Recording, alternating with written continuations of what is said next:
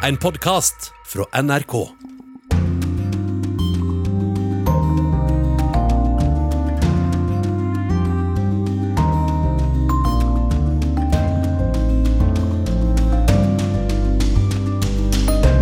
This is not a kumbaya moment, as they used to say back in the 60s in the United States, like, let's hug and love each other.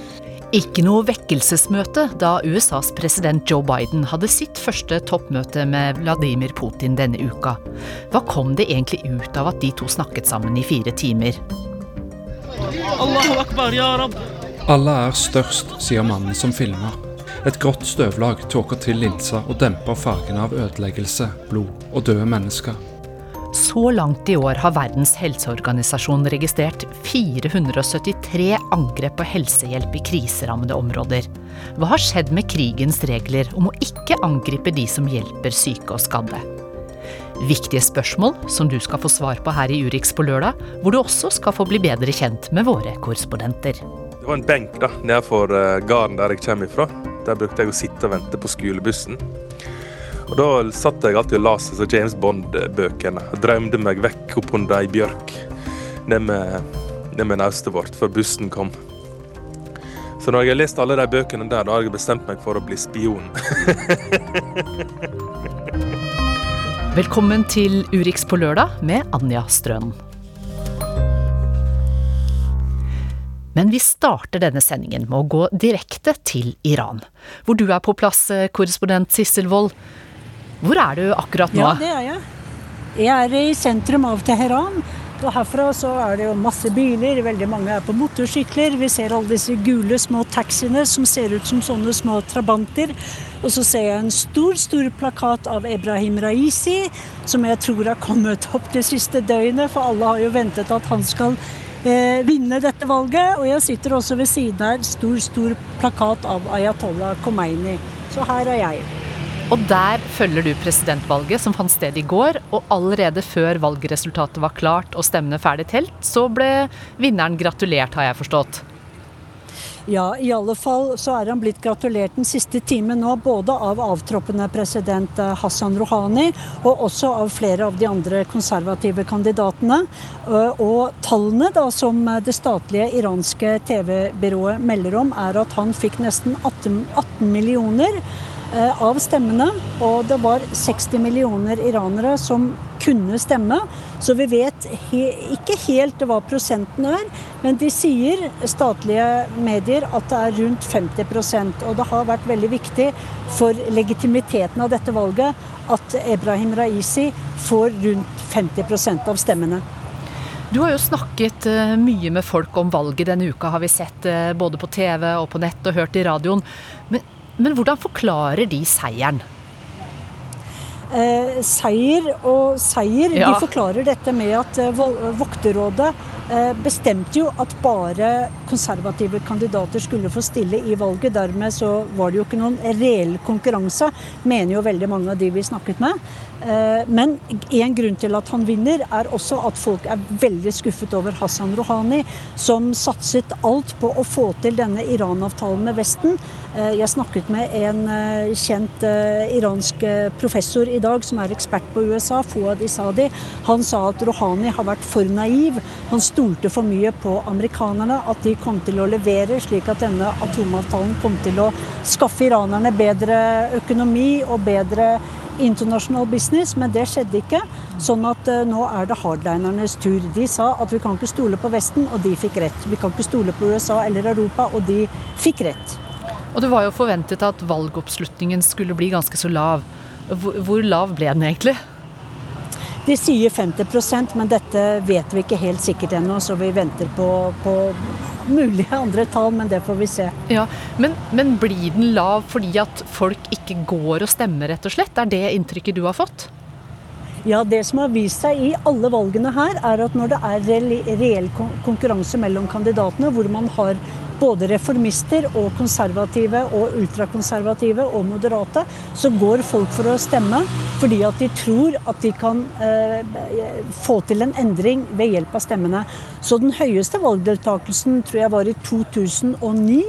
Da var det 85 og da var det jo en veldig god kandidat, eh, eh, eh, Men da følte jo veldig mange at valget ble kuppet av president Ahmadinejad, som da ble sittende i åtte år. Så når de tror at de kan endre på noe, så går de mann av huset. Når ikke, så sitter veldig mange hjemme, sånn som nå. Ja, men Hva blir da konsekvensen av dette valget for folk flest i Iran, Sisselvold? De fleste tror jo at Iran blir et mye mer konservativt samfunn. Og at eh, Iran kommer til å isolere seg mer, i alle fall fra Vesten. At man kommer til å være mye mer opptatt av å, å pleie forholdet til nabolandene, også land i Midtøsten. Det som er veldig interessant her, er at jeg aldri har sett så mange fargerike eh, kvinnelige uniformer. Altså Alle her må jo gå i disse islamske uniformene.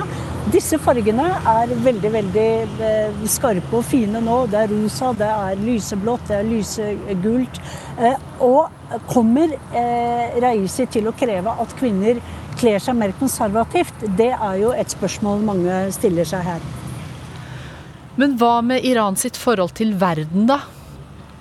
Med dette valget eh, her, kommer det til å endre seg? Ja, det som er spennende, er jo om Raisi kommer til å få til denne Iran-avtalen. For ja. Iran trenger desperat å bedre økonomien sin. Og det går gjennom å ha bedre samhandel med Vesten. Men vil de stole på amerikanerne? Vil amerikanerne gi dem denne eh, etterlengtede atomavtalen? Det får vi se. Det er jo det store spørsmålet i de neste månedene. Takk skal du ha, korrespondent Sissel Wold, med oss direkte fra Teheran der.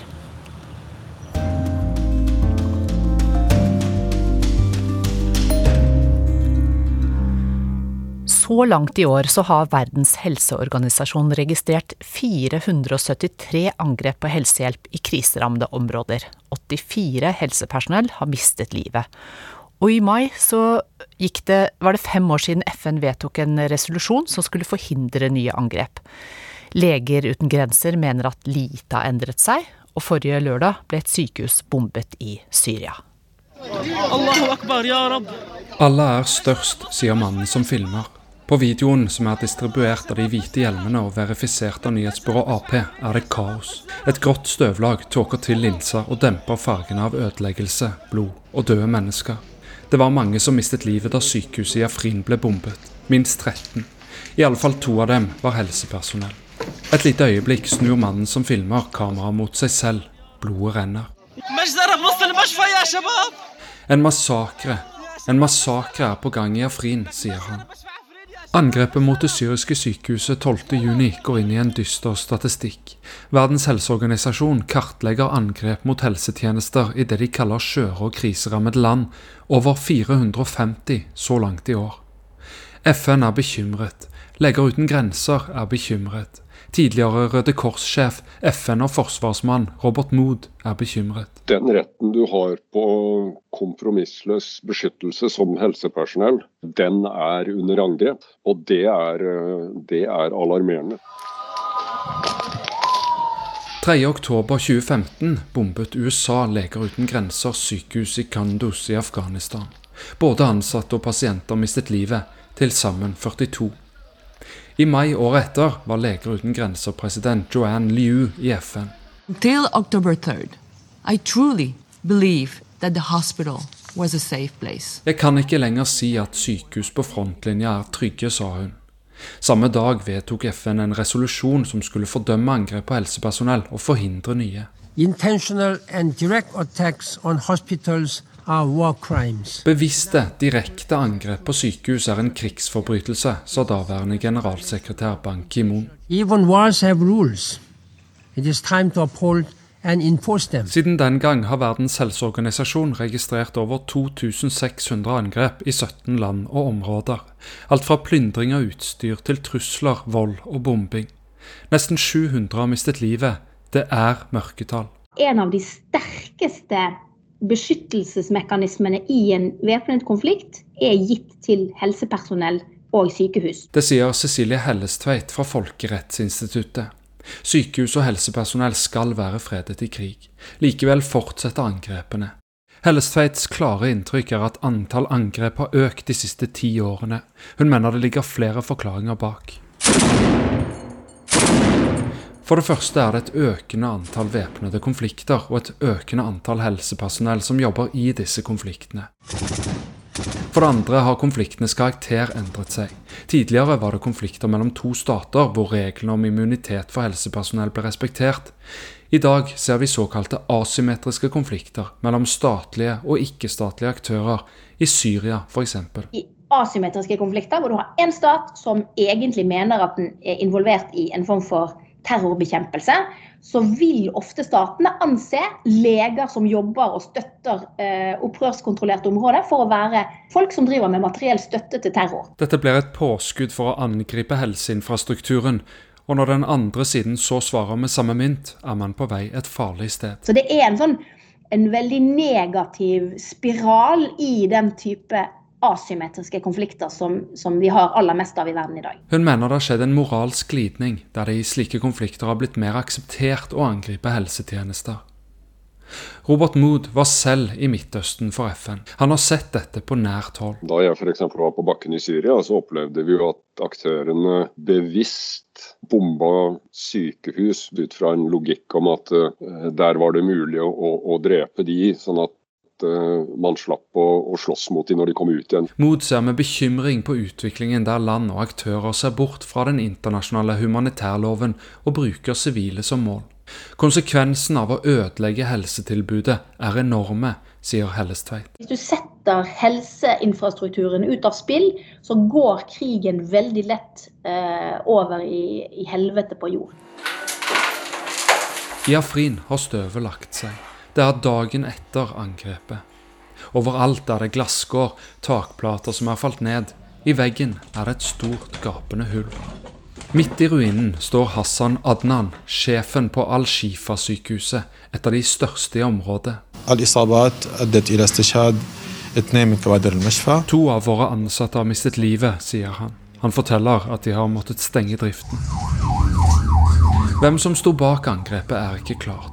Det er derimot konsekvensene. Barn og helsepersonell er drept.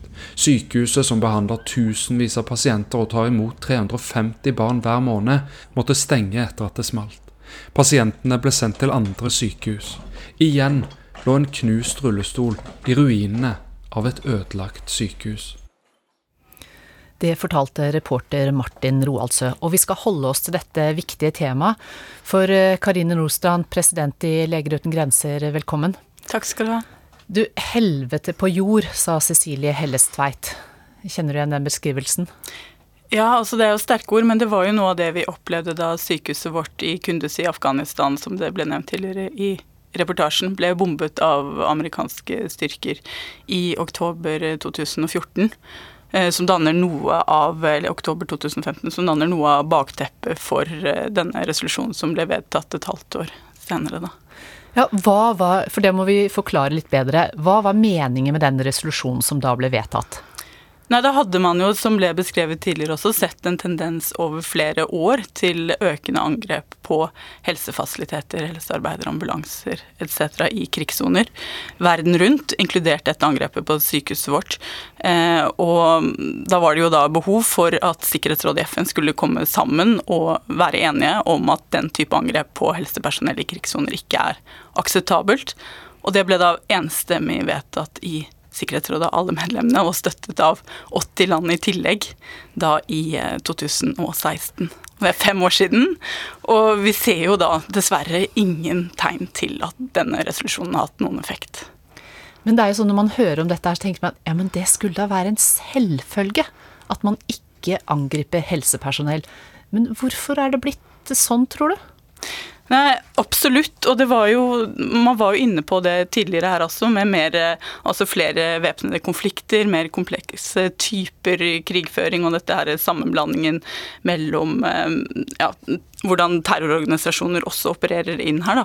Eh, men altså, det viktige for oss er jo disse katastrofale følgene dette får for sivilbefolkningen. Lidelsene det skaper. Det gjør jo i krigssoner så er det jo større behov for helsehjelp enn ellers gjerne, men, men det hindrer jo ikke bare tilgangen til eh, helsehjelp for de som lider av krigsskader, men også fødende kvinner, barn med infeksjonssykdommer, eh, barn som skal vaksineres, eh, andre sivilbefolkninger da, som, mm. Eh, som, lider under alle typer sykdommer som vi også erfarer her, som da står uten tilgang til helsehjelp. Og så blir det farligere for oss som humanitær organisasjon å operere, eh, og vi må veie risiko mot mot eh, arbeidsgiveransvaret vårt, selvsagt. Og det, sikkerheten for våre ansatte går jo selvsagt først, ikke sant.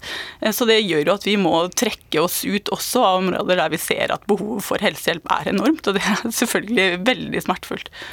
Men hadde dere oppriktig tro på at hvis en haug med land skrev under og ble enige om at sånn skal vi ikke holde på, så ville det fungere? Vi hadde et håp, i hvert fall. Jeg husker da jeg begynte i denne stillingen eh, for fem år siden. det var, var nesten samtidig? Ja, det var samtidig. Jeg husker Det var liksom nyhetssaken da. Og Joanne Lew, som det ble nevnt også, hadde veldig sterke ord i da hun talte i FNs sikkerhetsråd. Altså 'stop bombing patients', 'stop bombing hospitals'. Det burde jo, som du sa, være helt selvsagt. Men det er jo åpenbart at det er ikke det. Men hva mener dere i Leger uten grenser må gjøres nå for å forbedre disse forholdene? Altså det er jo helt tydelig at det nytter ikke med en resolusjon. Hva må til? Nei, altså Nei, det nytter ikke med en resolusjon, men, men, likevel så er det jo noe alle da har blitt enige om i Sikkerhetsrådet. Og da handler det jo om å holde hverandre ansvarlig for det man har forpliktet seg til. Da. Eh, også de som ikke rammes. altså Også norske regjering må på en måte være med og jobbe i FN for å holde også sine allierte ansvarlig for de, de eh, når denne resolusjonen brytes. Da. Så det handler liksom om å altså Resolusjonen er god i seg selv, men den må etterleves, og da må man holde hverandre ansvarlig for det. Så det er et felles ansvar, og det opplever dere ikke nå? Um, nei, det er, det er ikke, vi opplever jo ikke det når vi ser hvordan tallene utvikler seg. Ja. Absolutt ikke. Ja. Hva tenker du om fremtiden nå, da? Nei, eh, nei, jeg vet ikke. Jeg, jeg, håper jo, som jeg gjorde Ditt tilbake i 2016, at, eh, at, det vil gå bedre, men eh, jeg vet ikke. Takk skal du ha for at du kom til eh, Urix eh, på lørdag, Karine Nordstrand, president i Leger uten grenser. Takk.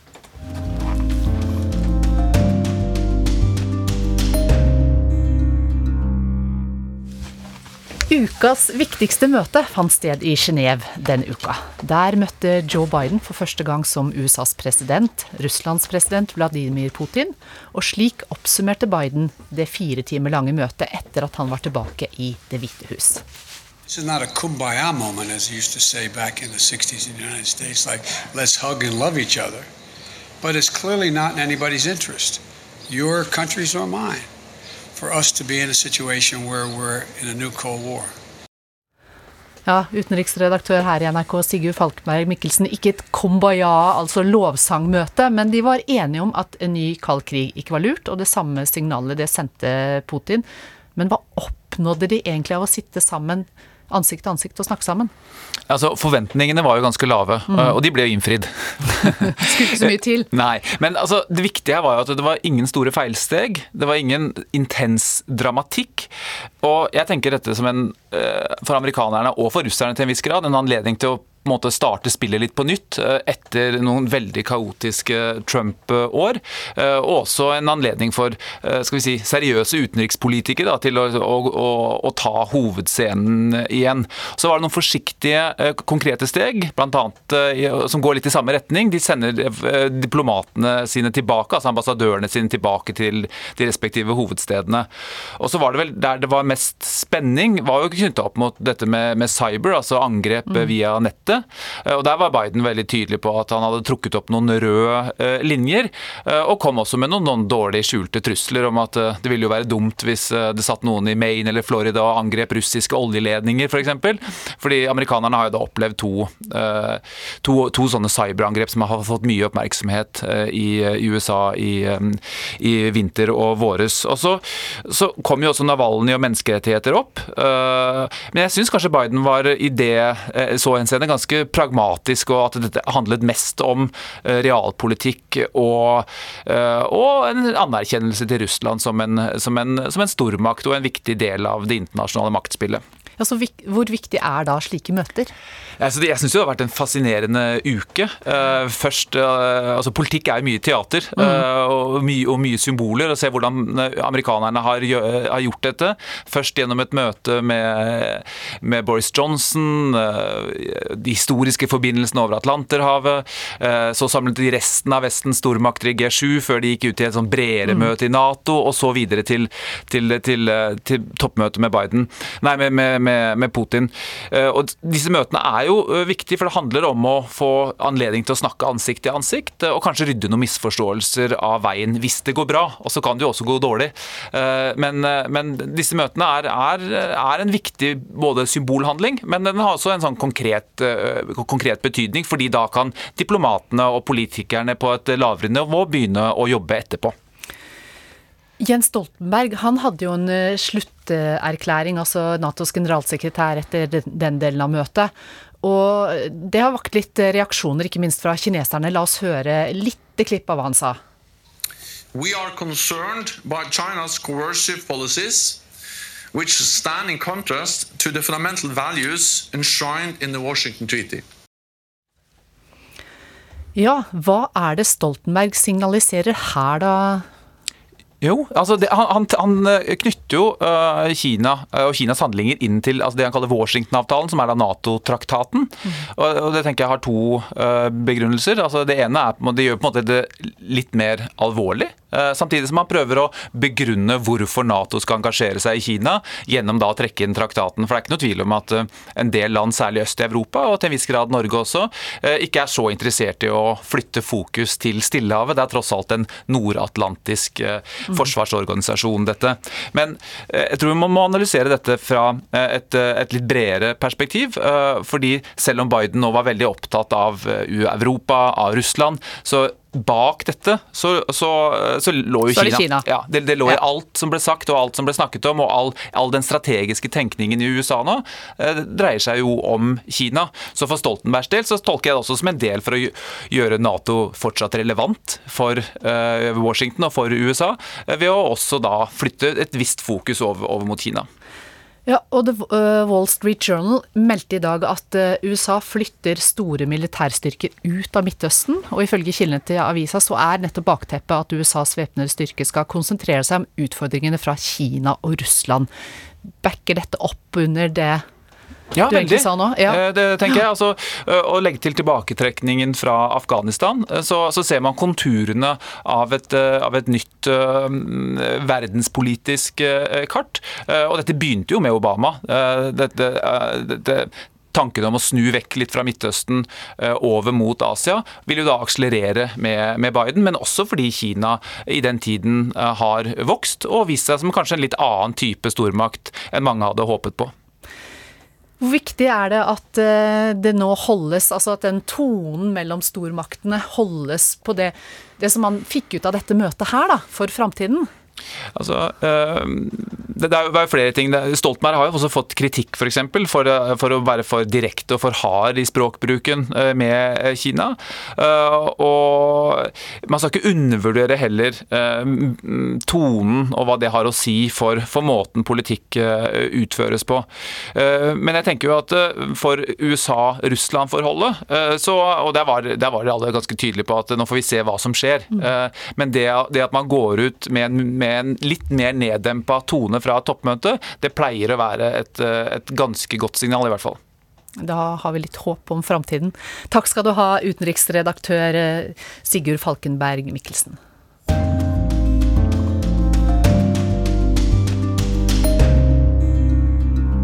I den russiske byen Smolensk så har tsarens tidligere kvinnefengsel huset bostedsløse i over 100 år. 20 millioner av Russlands 145 millioner innbyggere er regnet som fattige. Og i dette nedslitte fengselet så bor det folk som har ventet i årevis på at staten skal skaffe dem et annet sted å bo. I trappeoppgangen er det store buer under taket. Veggene er nedtagget. Akustikken er god for gitarspilleren som står litt oppe i etasjene. Flere steder faller murpussen av.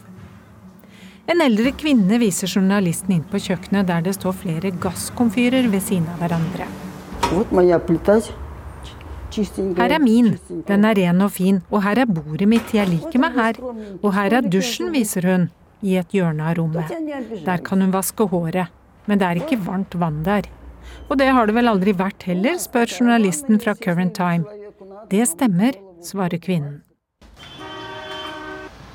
Det store gulmalte bygget var i sin tid tsarens kvinnefengsel i byen Smolensk vest i Russland. I 1917 ble det omgjort til 118 midlertidige boliger. Hit kommer folk som ikke har noe annet sted å bo. Anna Smirova forteller at hun kom flyttende sammen med barna i 2014 etter en brann i boligen hennes.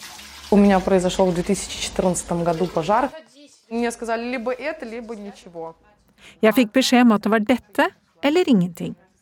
Da vi kom hit, var det ingen møbler her. Ikke seng, ikke lys. Jeg ringte en elektriker. Han kom hit og kikket, trakk på skuldrene og sa her kan ikke jeg gjøre noe. Men jeg fikk tak i en annen som fikset strøm sier hun. Nå er rommet enkelt møblert. Hullet i vinduet er teipet igjen med plast. 20 millioner russere lever i fattigdom. President Vladimir Putin har lovet å hjelpe, og sier han vil ha halvert dette tallet i løpet av de tre neste årene. Mens de rike i landet er ufattelig rike. Ifølge det uavhengige Borgen Project kontrollerer 1% av landets befolkning 70% av ressursene. Russland er blant annet en av verdens store oljeprodusenter. I mars lå arbeidsledigheten på rundt 5,2% men den er ofte langt høyere i industribyer der de har vært avhengig av én hjørnestensfabrikk.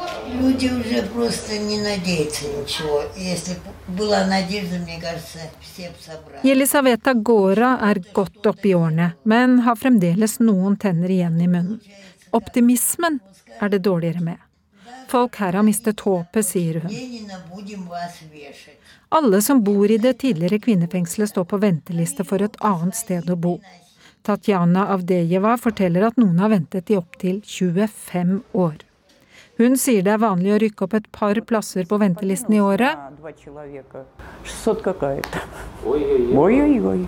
Selv står hun på plass nummer 600 og et eller annet. Det fortalte reporter Marit Kolberg. 1,4 millioner mennesker i Tigray-regionen i Etiopia er ifølge FN avhengig av nødhjelp for å ikke sulte. Og ifølge en forsker som vi har snakket med, så har mannen som styrer Etiopia, fredsprisvinner Abiy Ahmed, mye av skylden for denne sultkatastrofen. Katastrofen er en del av regjeringens krigføring i Tigray, mener forskeren. Likevel så vil Abiy Ahmed mest sannsynlig bli gjenvalgt når etiopierne går til valgurnene på mandag. 10 000 mennesker marsjerer gjennom hovedgata i Addis Abeba for å vise støtte til regjeringa.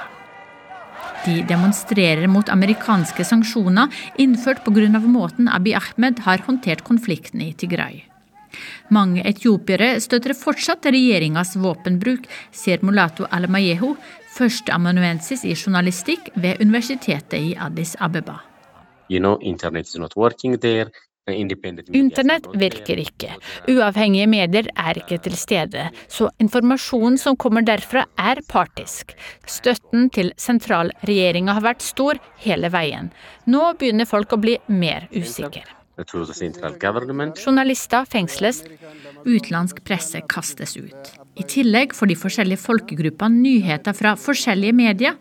Journalister i Etiopia forsøker i stadig mindre grad å vise landet fra flere ståsteder. Ifølge Alemayehu fremmer hver avis sin egen folkegruppes interesser.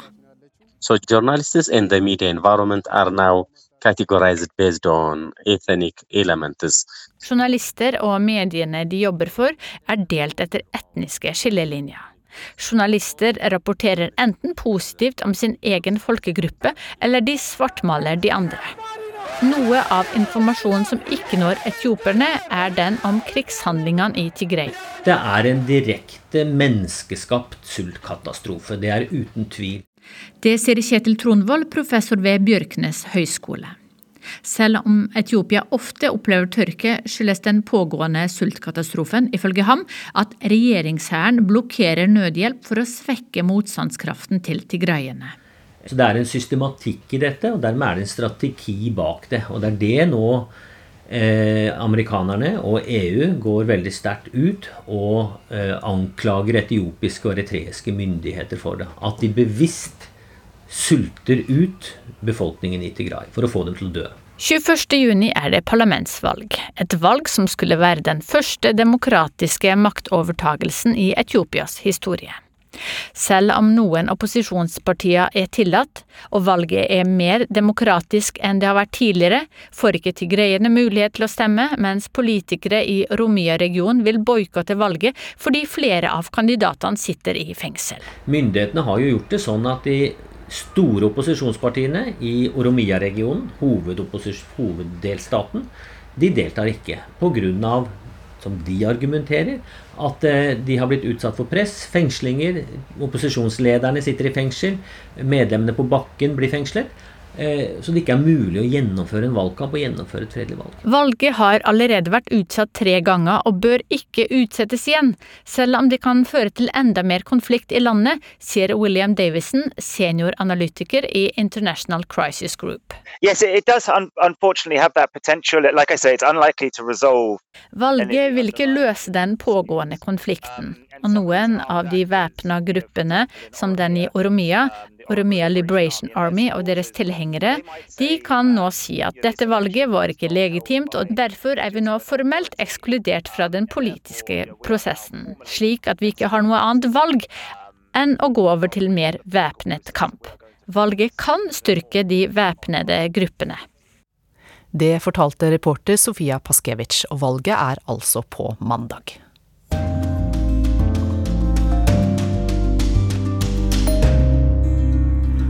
Når grensa mellom Norge og Russland åpner igjen, bør du ta en tur til Murmansk. Den største byen i Arktis er spennende i seg selv, men har også blitt et sted for den som vil pirre smaksløkene. Det rådet kommer i korrespondentbrevet fra vår mann i Moskva, Jan Espen Kruse. Murmansk er kanskje mest kjent som den grå og litt triste havnebyen på Kolahalvøya. Da Sovjetunionen eksisterte, bodde det om lag en halv million mennesker her. Nå er det sunket til rundt 300 000. De siste årene har jeg besøkt denne største byen i Arktis en god del ganger. Og særlig når det gjelder mat og drikke, har jeg blitt kraftig overrasket. Både råvarer og tilberedelse av maten på byens spisesteder har vært på et høyt nivå. Kortreist mat har blitt et populært begrep også i Russland. Og på Kolahalvøya finnes det nå flere lokale delikatesser. Karé av reinsdyr var noe nytt og spennende for meg. Altså nesten som en kotelett. Mørt og saftig kjøtt på beinet, men det var stekt i ett stykke og kuttet opp etterpå.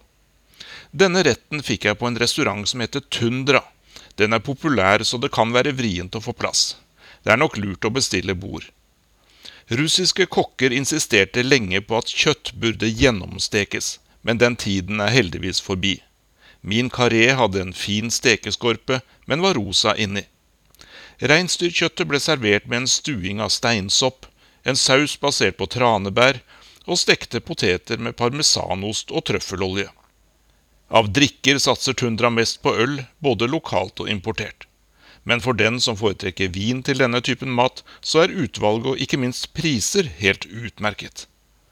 Og så er det verdt å prøve mors, som er en frukt- eller bærdrikk som ofte er laget på det som finnes i naturen lokalt. Jeg begynte å reise til Murmansk i det forrige århundre da jeg arbeidet i NRK Finnmark. Den første turen var i 1984, og det kommunistiske samfunnet på den sovjetiske siden av grensa var utrolig spennende for en ung journalist. Jeg bodde som regel på det som den gang het Hotell Arktika. Nå heter det Asimut Hotell Murmansk. Men det er fortsatt det mest dominerende bygget i sentrum av byen. Den gangen var Murmansk slett ikke noe reisemål for den som er glad i mat. Alt av kjøtt var seigt, grått og gjennomstekt, og den fisken som fantes, var i hvert fall ikke fersk. Vilt var et fremmedord. Det samme var god vin. Men vodka, det var det ingen mangel på. De som bygde Hotell Arktika, hadde ikke tenkt på kapasiteten til heisen. Det kunne ta 20-30 minutter i kø å komme til et rom oppe i etasjene. Nå er alt dette rettet på, og på toppen av hotellet ligger restauranten Den sjuende himmel, eller Sidmoje Njeba på russisk. Den har også en lekker meny og en nydelig utsikt over byen. Start f.eks. med naturell kongekrabbe med tre forskjellige sauser. Også det kortreist og perfekt tilberedt. Eller kamskjell, som ikke er kortreist, men russisk. Nærmere bestemt fra Sakhalin i den motsatte enden av Russland. En annen forrett er marinert laks med en uvanlig eggbasert saus. Laksen kommer fra et oppdrettsanlegg ytterst i Murmanskfjorden. NRKs fotograf tok stekt blåkveite til hovedrett. Han var superfornøyd. Men hvis jeg skal være ærlig, så er han det mest matglade mennesket jeg kjenner til. Har aldri hørt at han klager på noen rett. Dette spisestedet kan også friste med reinsdyrkjøtt. Denne gangen er det filet med en spennende hvit saus. Til forrettene foreslo kelneren et glass frisk hvitvin fra Sør-Afrika. Til kjøttet en litt tyngre italiensk fra Toskana. Hvilken forandring i forhold til det forrige århundre. Russiske myndigheter snakker mye om å opprette nye arbeidsplasser for å hindre at flere forlater nordområdet. Videre utvikling av turisme er noe mange har tro på. Nå mens koronaviruset hindrer russerne i å reise utenlands, kan det være vanskelig å få plass på fly innenlands. Flyene sørfra til Murmansk er ikke noe unntak. Men når russerne igjen begynner å dra til Tyrkia, Egypt og Thailand, da kommer trykket til å lette. Og det tar ikke mer enn ca. fire timer å kjøre fra Kirkenes til Murmansk. Jeg synes at denne byen er perfekt for en langhelg men pga. kravet om visum må det hele planlegges en god stund i forveien. Det er naturligvis mulig å organisere omvisninger med guide i Murmansk, men jeg synes det er mest interessant å rusle gatelangs og se på mennesker og miljø. Hovedgata i byen heter fortsatt Lenin-prospektet, og statuen av Sovjetunionens grunnlegger er fortsatt på plass. Oppå en høyde i utkanten av byen står Aljosja, en gigantisk betongstatue av en sovjetisk soldat, til minne om de voldsomme kampene som var i nordområdet under andre verdenskrig. Stedet er også et flott utsiktspunkt over byen og fjorden. Nå er det også mulig å ta en båttur på Murmanskfjorden. Da får du et bedre inntrykk av hvor viktig denne byens havn er. Og så får du kanskje noen glimt av militære fartøy. Utover fjorden ligger Russlands viktigste militærbaser på rekke og rad. Myndighetene i Murmansk ser litt til Finnmark når det gjelder å lokke turister til nordområdet. Det er snakk om at det skal bli mulig for tilreisende å kjøpe lisens for fiske av kongekrabbe, slik at turistene kan fange og tilberede sin egen delikatesse. Om vinteren er det mulig å overnatte i en slags igloer med glasstak utenfor byen. De som er heldige med været, kan ligge og se opp på nordlyset. Den som prøver å finne en sjarmerende havnepromenade i Murmansk, kommer til å bli skuffet. For å komme inn i selve havneområdet må man ha spesialtillatelse. Dette er en by som er bygd opp for industri og militære formål. Den er slett ikke idyllisk. Men det røffe og tøffe er kanskje noe av det som er fascinerende. Det gjør Murmansk spesiell, og til noe helt annet enn det du kan se og oppleve i andre land. Men som sagt, det å rusle rundt på egen hånd og trekke inn atmosfæren, det er absolutt å anbefale. Det er jo også nødvendig for å opparbeide appetitten. Jeg har forresten helt glemt å snakke om en søt avslutning på måltidene i Murmansk. Desserter er kanskje det jeg synes de russiske kokkene trenger å jobbe litt mer med. Eller kanskje er det bare smaken som er litt annerledes. På restaurant Tundra ble tykk, kondensert melk i krumkake anbefalt som den mest populære avslutningen på måltidet. Krumkakene ble originalt servert, stående oppi hermetikkboksen som melken kommer i. Dette er smaker som alle russere har vokst opp med, og ingenting kan naturligvis konkurrere med det. Men for norske ganer tror jeg den tradisjonelle honningkaken på menyen er bedre eller desserter der det brukes lokale ingredienser som tranebær eller molter. Har jeg fått deg til å svelge et par ganger i løpet av dette brevet? Det var meningen. Så får vi håpe at grensa mellom våre to land snart åpner for normaltrafikk. Det fortalte vår korrespondent i Moskva, Jan Espen Kruse, som tydelig var mett nå. Og da skal vi til vår mann som vanligvis rapporterer fra Berlin.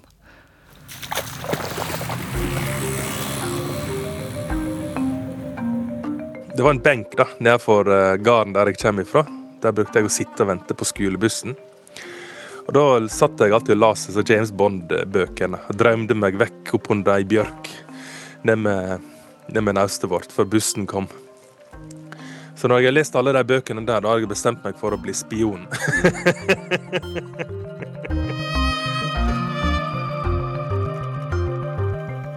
Nå i sommer skal du bli bedre kjent med NRKs korrespondenter rundt i verden. Både nåværende og nye. I vår sommerspesial fra NRK Urix i dag Roger Severin Bruland, europakorrespondent i Berlin. Med dekningsområde Sentral- og eh, Øst-Europa.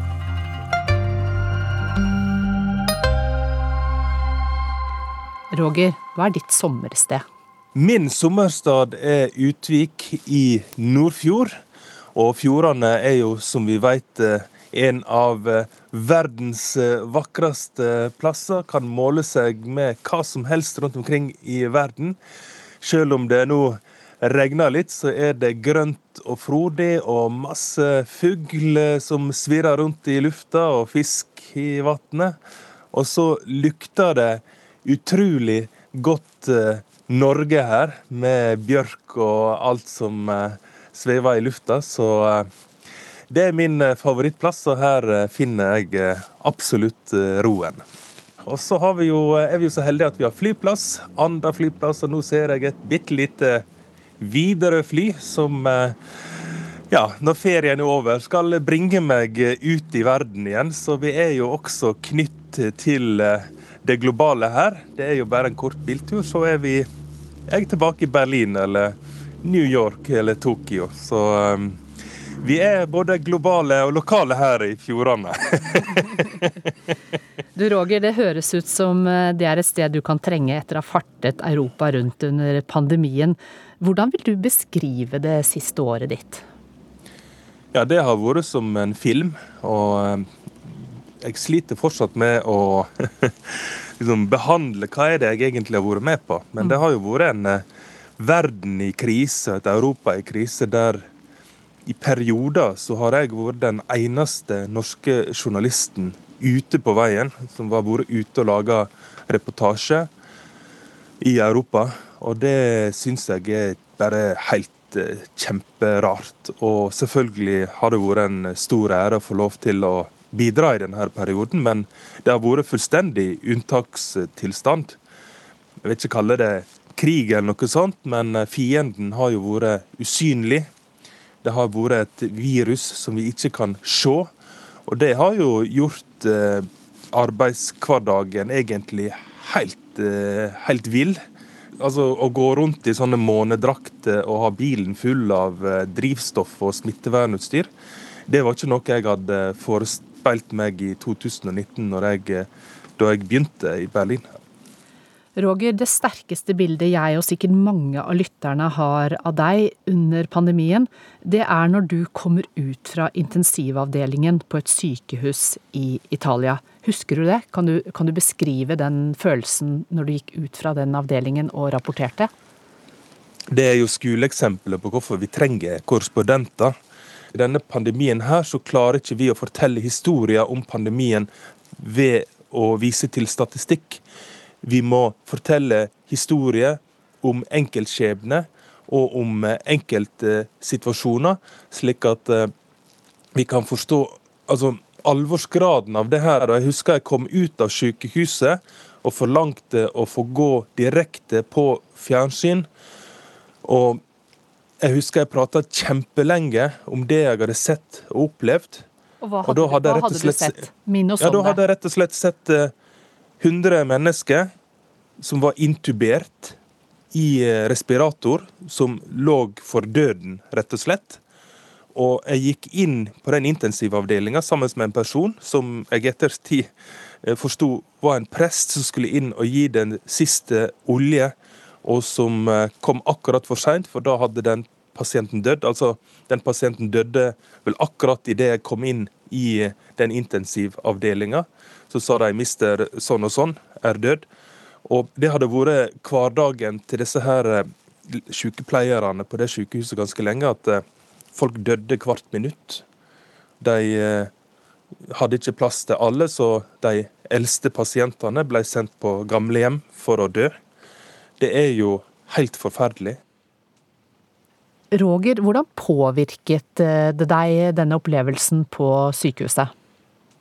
Det var jo veldig skummelt å stå på parkeringsplassen der og gjøre seg klar til å gå inn. Da hadde jeg faktisk ikke så veldig lyst til å gå inn på det sykehuset. Jeg er jo veldig glad for at jeg eh, gjorde det, og overvant den frykten. Var du redd? Også, ja, da var jeg eh, urolig fordi at jeg hadde hørt mange historier om at det var masse smitte på disse sykehusene, at de ikke hadde kontroll. Men heldigvis i det tilfellet så hadde de det. Og så er det jo etterpå, da. En reiser tilbake i karantene i Berlin, og så må en jo sitte og vente på om en blir syk eller ikke, da. Og det er jo litt guffent når en sitter der alene, da, og skal liksom vente på om det har gått bra eller ikke. Så det ekleste med disse her eh, reportasjeturene til Italia har jo vært det her at, eh, at en er ikke ferdig med turen før eh, ti dager etter at en har kommet hjem og sett at en ikke har blitt syk. Så, så det har vært ganske guffent, absolutt. ja.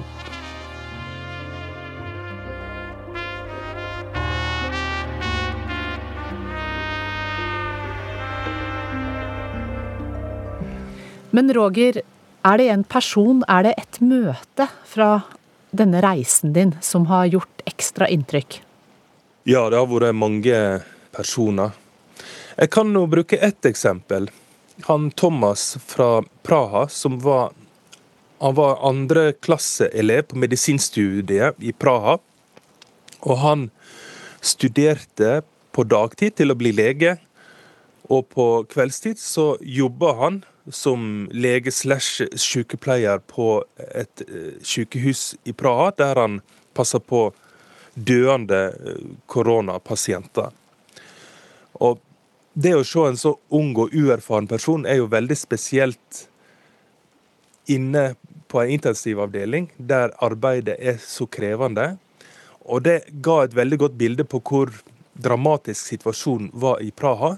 Det at de måtte rekruttere medisinstudenter inn på intensivavdelingene fordi en mangla helsepersonell. Det gjorde stort eh, inntrykk på meg, og var et veldig konkret eksempel på hvor dramatisk situasjonen var i Praha akkurat da. For eh, i Tsjekkia var jo på en tidspunkt at de hardest ramma landene.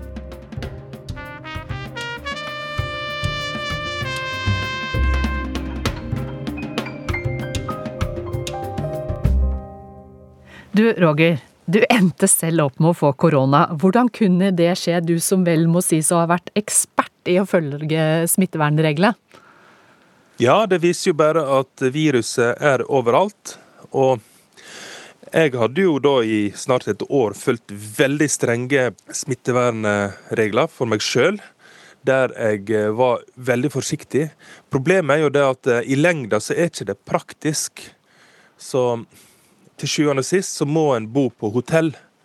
Og det var nok trolig ved en hotellfrokost at eh, jeg ble smitta der. Da det hadde vært litt gjenåpning i Europa, så det var litt turister fra England og Frankrike der, som eh, hosta og harka litt. Og Har ikke du god nok lufting da i den frokostsalen, så vil jo dette her viruset bare spre seg rundt i rommet, og så er det litt tilfeldig om en blir smitta eller ikke, for en må jo ta av masken når en skal spise frokost. Så kan en jo si at eh, ja, vi kunne jo ha bodd i bilen. og det gjorde jeg jo veldig lenge. Bodde i bil og kjørte rundt i et nedstengt Europa. Det var jo som å kjøre rundt i zombieapokalypsen, men til sjuende og sist så må en jo tilpasse seg litt. Og når en har oppdaga at viruset kanskje ikke var så superfarlig, som det kunne ha vært, for det visste vi jo ikke i starten. Så, så måtte en jo gjøre litt lettelser rett og slett for å få hverdagen til å gå i hop. Hvordan opplevde du å ha korona, da? Det var helt forferdelig, og jeg eh, oppfordrer alle til å prøve å unngå det. Fordi at det tror jeg er Det er en kjemperar sykdom, og der tilstanden endrer seg fra time til time. Jeg hadde veldig hodepine, og hver morgen så, når jeg våkna opp, så føltes det som at jeg hadde blitt banka opp. Eh, noen som hadde slått meg med en stokk gjennom hele natta. Så det var liksom Det var bare så vidt en klarte å karre seg ut av senga om morgenen. Og dette varte jo i ei ukes tid. Og jeg har heldigvis ikke hatt noe, noe sånn etterspill, stort etterspill, da. Så det er jeg jo veldig glad for. Men eh, mens det sto på, så var det utrolig ubehagelig og selvfølgelig skremmende. Fordi at eh, når som helst så kan jo den sykdommen her ta en negativ retning, der en kan rett og slett bli dødssyk. Men nå har du heldigvis fått vaksine, Roger, og du eh, la ut et litt artig bilde på Facebook at du måtte til Serbia for å få vaksine. Fortell om det. Ja, Det var jo helt fantastisk. Jeg ble bare geleida inn på vaksinesenteret, og der sto kjøleskapene og bugna med alle vaksiner fra hele verden. Fra Pfizer til AstraZeneca og Sputnik og kinesiske Sinopharm. Så da var det bare å velge og vrake. Og det tok eh, ti minutter, så var jeg eh, vaksinert. Og, for det var ingen kø der. Og ja. Det var som å være i et parallelt univers.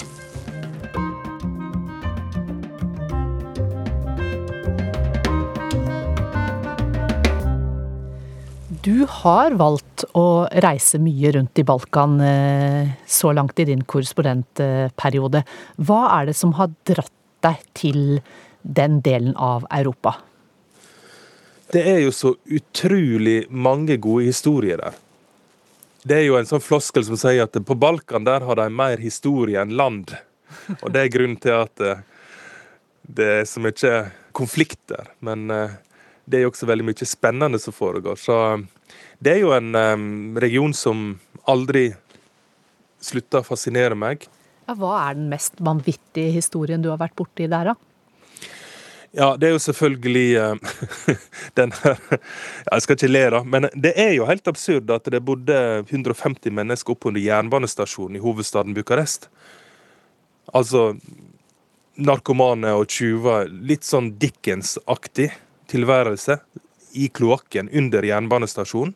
Altså Folk drev og kom ut og inn av et kumlokk midt i sentrum av en stor europeisk by. Og under der bodde det massevis av folk, og de hadde svømmebasseng der og hadde diskotek, og de alle hadde sine soverom. og Det var leda av en eh, sånn Robin Hood-person som kalte seg sjøl Bruce Lee, og malte seg sjøl med sånn gullakk og sølvlakk. og, og, han hadde egen kokke som kom og laga mat hver morgen. Han hadde eget vekterselskap som passa på det her kumlokket. Altså, det er jo en sånn blanding av Altså, det er jo en djup, eh, tragisk historie, men samtidig så er det jo litt sånn Monty Python med tanke på disse, gamlingene som driver og forteller om eh, hvor felt de hadde da de var unge, liksom.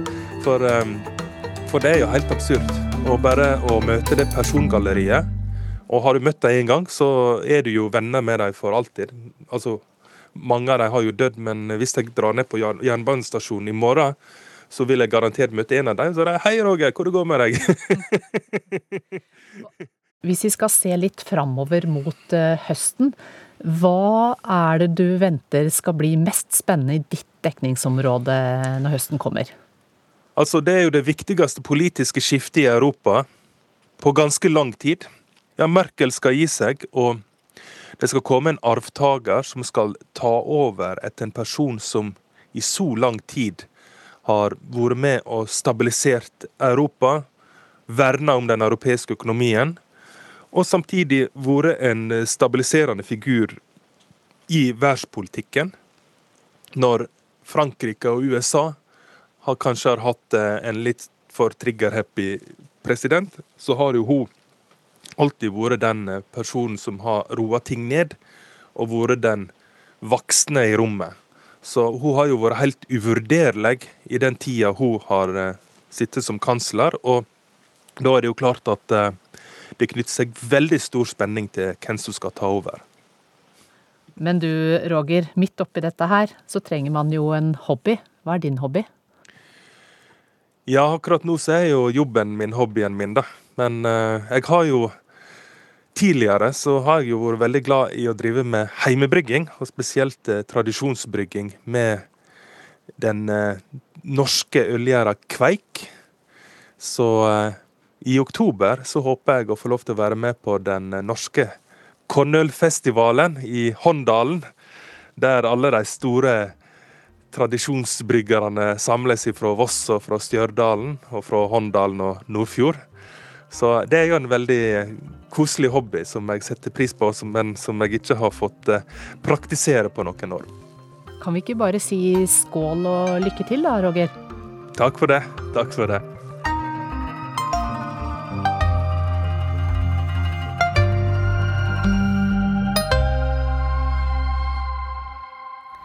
Det fortalte korrespondent Roger Severin Bruland, og teknikk var ved Hilde Tosterud. Alle disse korrespondentmøtene finner du som egne podkaster under fanen Sommerspesial, der du vanligvis finner Krig og fred-podkastene. Og vil du se mer fra Roger og hans favorittområde Balkan, så skru på Søndagsrevyen i morgen. Urix på Ur, Urix på lørdag takker for følget denne lørdagen. Teknisk ansvarlig Bobo Bjørnskjold. Produsent Anna Helene Folkestad. I studio Anja Strønen.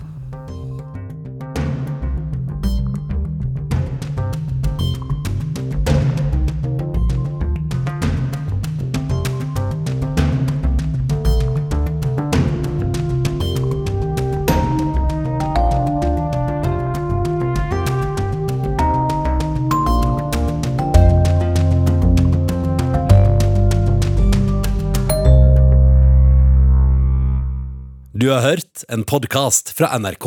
Hør flere podkaster og din favorittkanal i appen NRK Radio.